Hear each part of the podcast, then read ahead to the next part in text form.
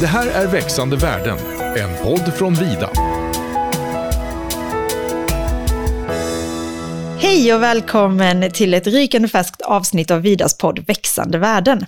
I podden tar vi upp ämnen som vi tror intresserar dig som skogsägare. Och idag ska vi prata om ett spännande ämne, nämligen energi och hur vi kan använda biprodukterna från skogsindustrin. Jag heter Joanna och jag jobbar på Vida och idag har jag med mig min kollega Erik Dahl som också är vd på Vida Energi. Hej och välkommen till podden! Hej! Vem är du Erik?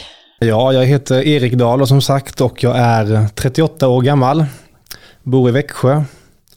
Och jag har jobbat på Vida sedan 2008.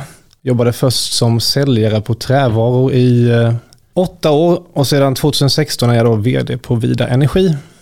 Och som sagt, idag är det ju ett superspännande ämne med mycket framtidsfokus. Vi ska ju prata lite om vad man kan göra med biprodukterna från skogen. Men vad gör Vida Energi?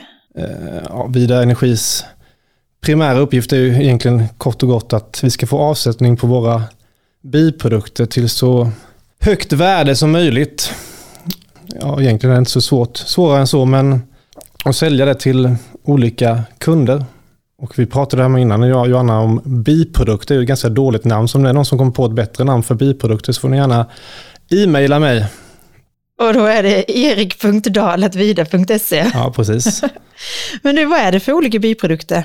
Ja, men vi har ett eh, fem, sex olika biprodukter på Vida. Eh, och från skogen är det då grot och energived.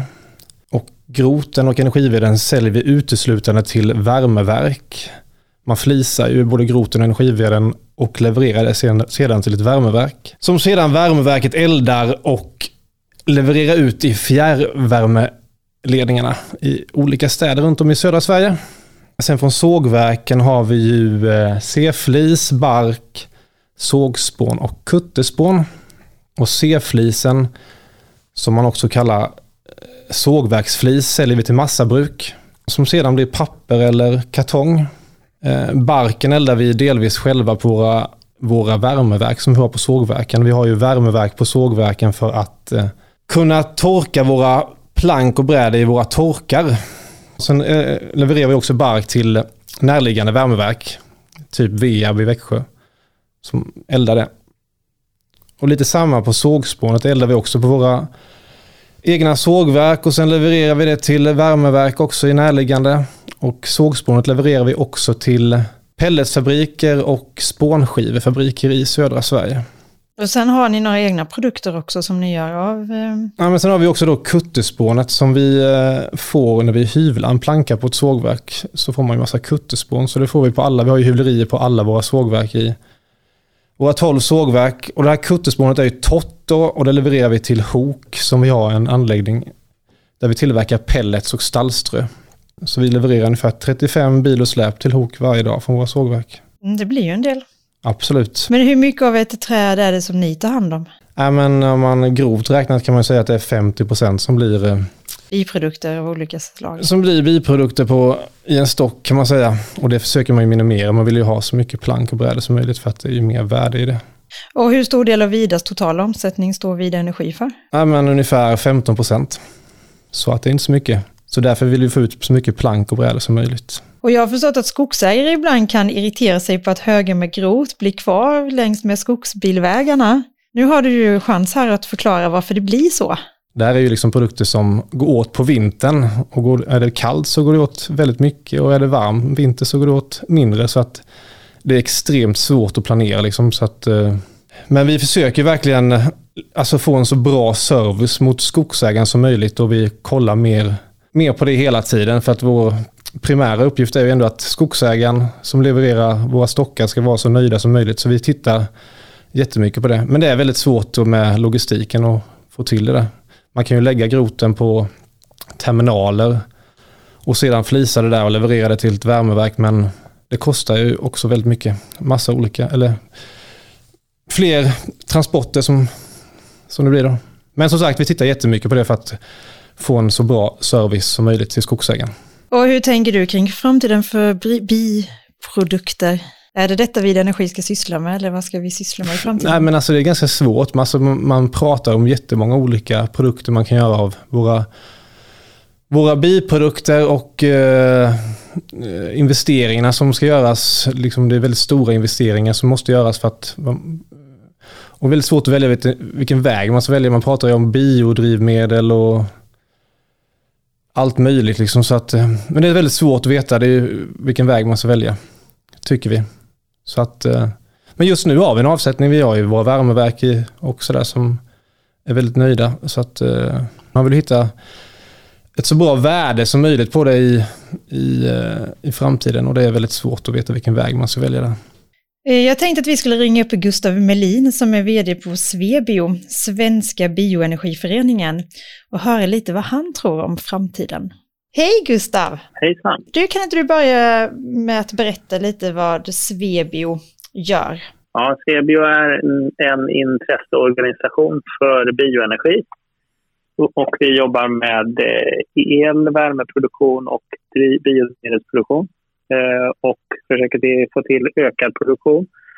Och eh, vi har ju ganska många medlemmar, runt 300 stycken. De flesta är företag, men också en del privatpersoner. Och eh, alla jobbar ju med energi på något vis. Och det är både från leverantörer av bränsle eller pellets eller biodrivmedel och producenter av bränsle och till användare. Och eh, även Scania till exempel som producerar lastbilar Eh, med många kraftvärmeverk och eh, utrustningstillverkare. Så vi täcker hela branschen kan man säga från ja, man brukar ju säga från jord till bord och det är väl ungefär så som vi gör fast inom energisektorn. Då. Jag tänker att en vanlig fråga som som finns i samhället det är ju att eh, det förbränns ju mycket av biprodukterna från skogen, men uppstår det en kolskuld då? Det gör det ju inte, eh, vill vi hävda då. Och om man pratar kolskuld då tycker jag att man, om man vill vara vetenskaplig, då finns det två alternativ. Att man får antingen titta på individen eller på populationen. Så brukar man göra i biologi. Man räknar vad händer med individen, trädet, populationen och då är det skogen. Och i båda de här fallen så är ju eh, bioenergin eh, klimatpositiv. Alltså vi måste ju, trädet måste ju växa innan man eldar det. Eh, så det är det ena alternativet och det andra är ju att man tittar på hela skogslandskapet.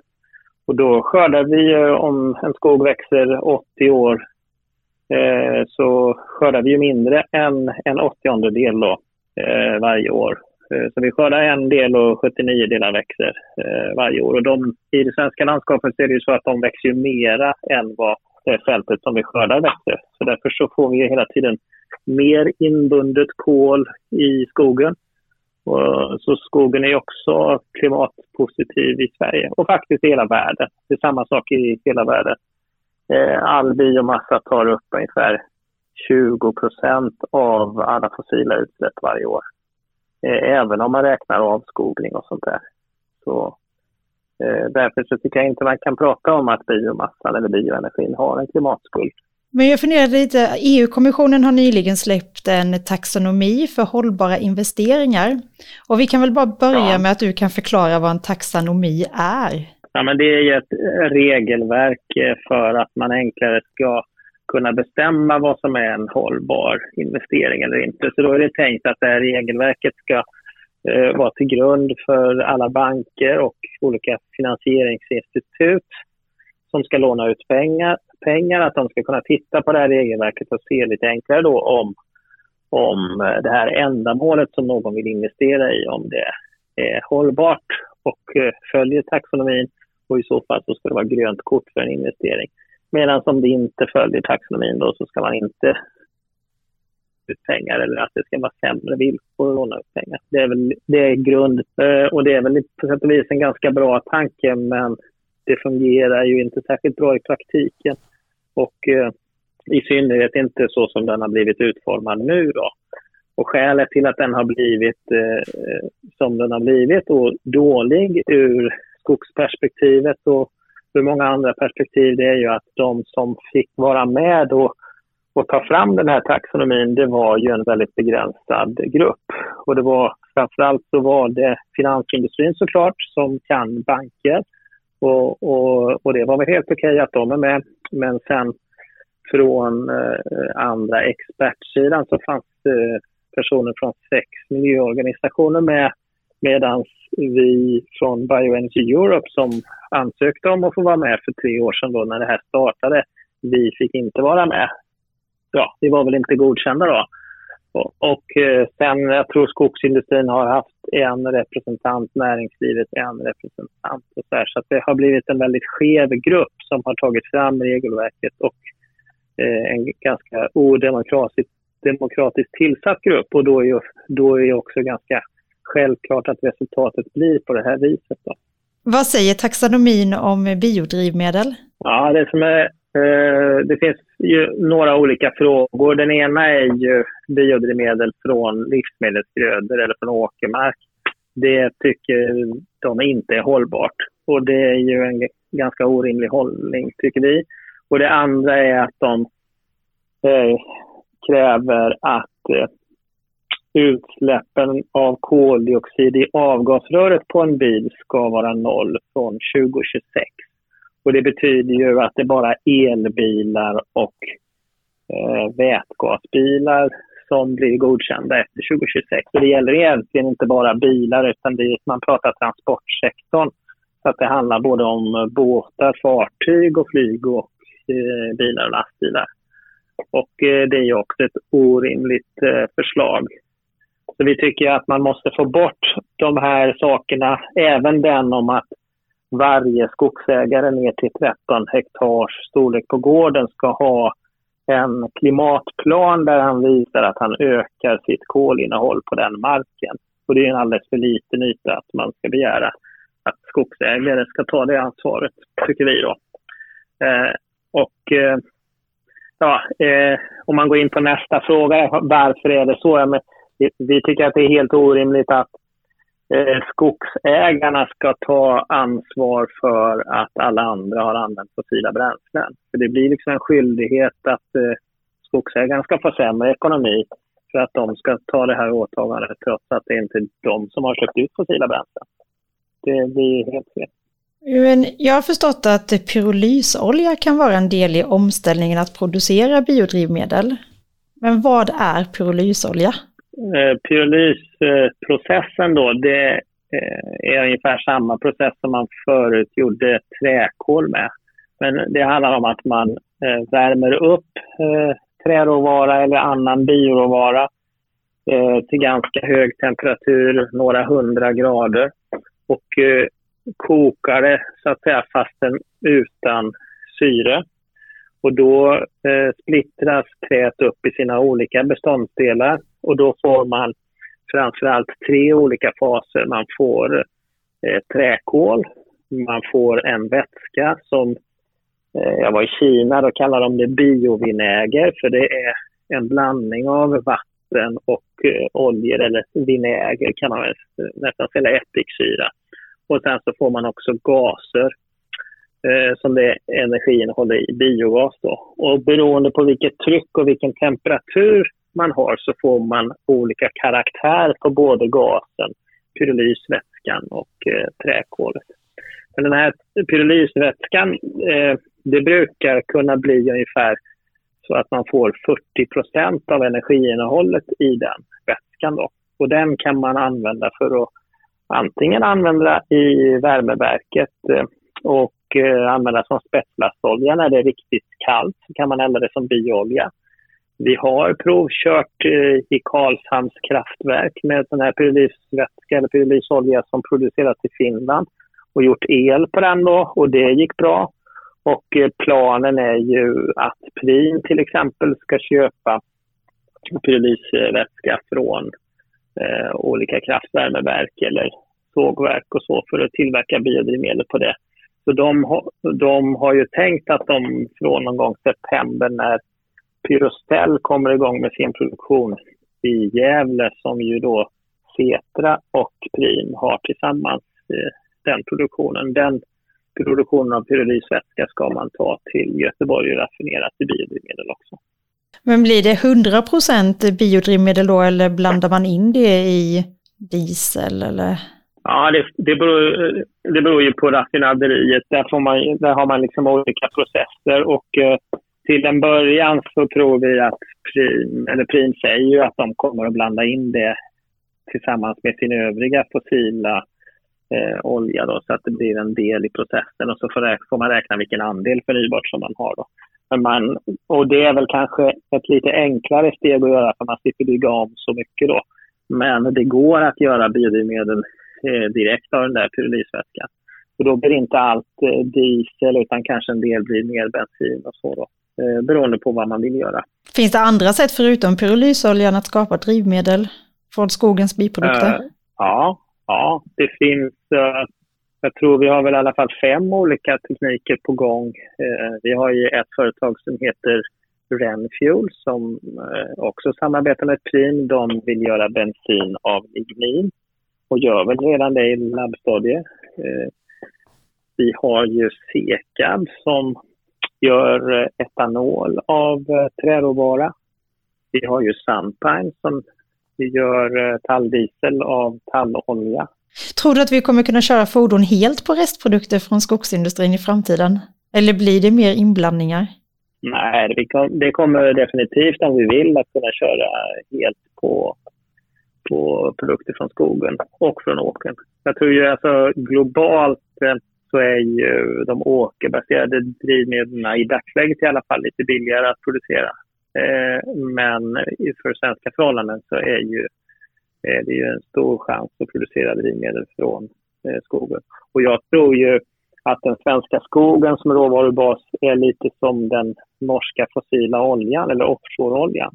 Det är mycket billigare att producera från palmolja eller sockerrör eller så som inte vi kan odla. Men det är lite som saudisk eller Texas-olja då. Medan eh, svenska skogen är lite mer som norska oljan som är lite dyrare. Men det, eftersom efterfrågan är så stor så kommer det ändå finnas bra lönsamhet i att producera drivmedel från svensk skog. Och hur långt bort är det? Ja, när får vi de politiska styrmedlen? Det är egentligen ett politiskt beslut. För att marknaden finns ju där om, om, eh, eh, om det är så att vi vill. Så att alla de här fem teknikerna Eh, har ju funnits i ganska många år. Och de är, den sista var ju kämrek och eh, förgasningen av, av eh, svart eh, där man kan göra DME eller, eller andra dieselprodukter från den här förgasningen. Då, som, och de var ju redan igång och väldigt nära att investera i den när Anders Borg var finansminister, så det är 10-12 år sedan lite drygt. Eh, så alla de här teknikerna eh, är mycket nära kommersialiseringsstadiet men de är ju lite dyrare att producera. Det kanske kostar 10-11 kronor per bensinekvivalent att producera de här biodrivmedlen. Och det vågar man inte riktigt satsa på när den fossila oljan eller diesel och bensin kostar 5-6 kronor utan skatter. Så att eh, får vi ett regelverk som gör att vi eh, får sälja de här volymerna, då kommer de här fabrikerna bums. Men eh, det, det, är svårt att få lån om det inte finns en sån politik som är långsiktig. Den behöver vara på tio år framåt för att man, för att man ska våga och för att man ska få lån. Och man ska kunna få ett kassaflöde för att producera de här drivmedlen. Och eh, det som är den stora skadan med taxonomin eller med att man säger att det inte får finnas koldioxidutsläpp i avgasröret, det är ju just det att eh, investerarna blir osäkra på att de ska få, eh, få finansiering och eh, få en marknad för framtiden. Eh, och, och, där slår man ju riktigt undan fötterna för oss i skogsindustrin då, att kunna utveckla den här sektorn. Och det är ju otroligt illa för både vår industri och för klimatet. Tycker du att eh, biodrivmedel är det bästa sättet att använda restprodukterna från skogen? Alltså jag tycker ju eh, värmeproduktion och elproduktion är ju också bra eh, såklart, men den marknaden är ju eh, relativt liten och, och, eh, och där har vi full, fyllt den redan. Då. På, på elsidan finns det mycket mer att göra. Så det, vi borde kanske producera mer el på sikt. Men visst, i nästa skede så är ju biodrivmedel en väldigt bra marknad och det finns väl andra produkter möjligen som vi också kommer, kommer att kunna skapa som de här investeringarna om där det blir mer textilier eller, eller andra utvecklingsområden som, som man kan använda. Eh, förmodligen plastproduktion tror jag också att vi kommer att ha från skogsråvara. Mm, det är spännande. Tack för att vi fick ringa upp dig idag Gustav. Ja, tack så mycket. Erik, du satt ju med och lyssnade här på Gustav. Vad, vad säger du om det du hörde? Eh, nej, men jag tycker att det är, det är jättespännande. Tycker jag, liksom, jag tror på något sätt att eh, skogsprodukterna är framtiden, eller en del av framtiden i våra, vår omställning till en mer, miljö, mer hållbart samhälle. Så att eh, jag är generellt väldigt positiv. Mm. Kan man säga. Jag tror vi kommer hitta en väg där och hitta väldigt bra produkter av det. Nej, men det känns ju verkligen som en spännande framtid och vi får hoppas att skogen kan bidra till en grön omställning. Stort tack för att du kom hit idag Erik. Ja, tack själva. Och i nästa avsnitt så pratar vi om generationsskiften. Lyssna gärna då. Och vill du komma i kontakt med oss så mejlar du podd.vida.se. Ha en fortsatt fin dag. Hej då! Det här är Växande världen, en podd från Vida.